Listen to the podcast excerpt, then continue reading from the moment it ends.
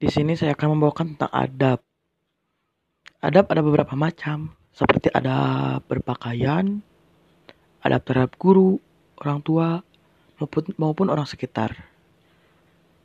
Adab terhadap orang guru, seorang guru adalah ketika kita menghormati dan mentaati apa yang dia, mereka perintahkan. Adab kepada orang tua menurut segala apa yang mereka perintahkan dan tidak melawan.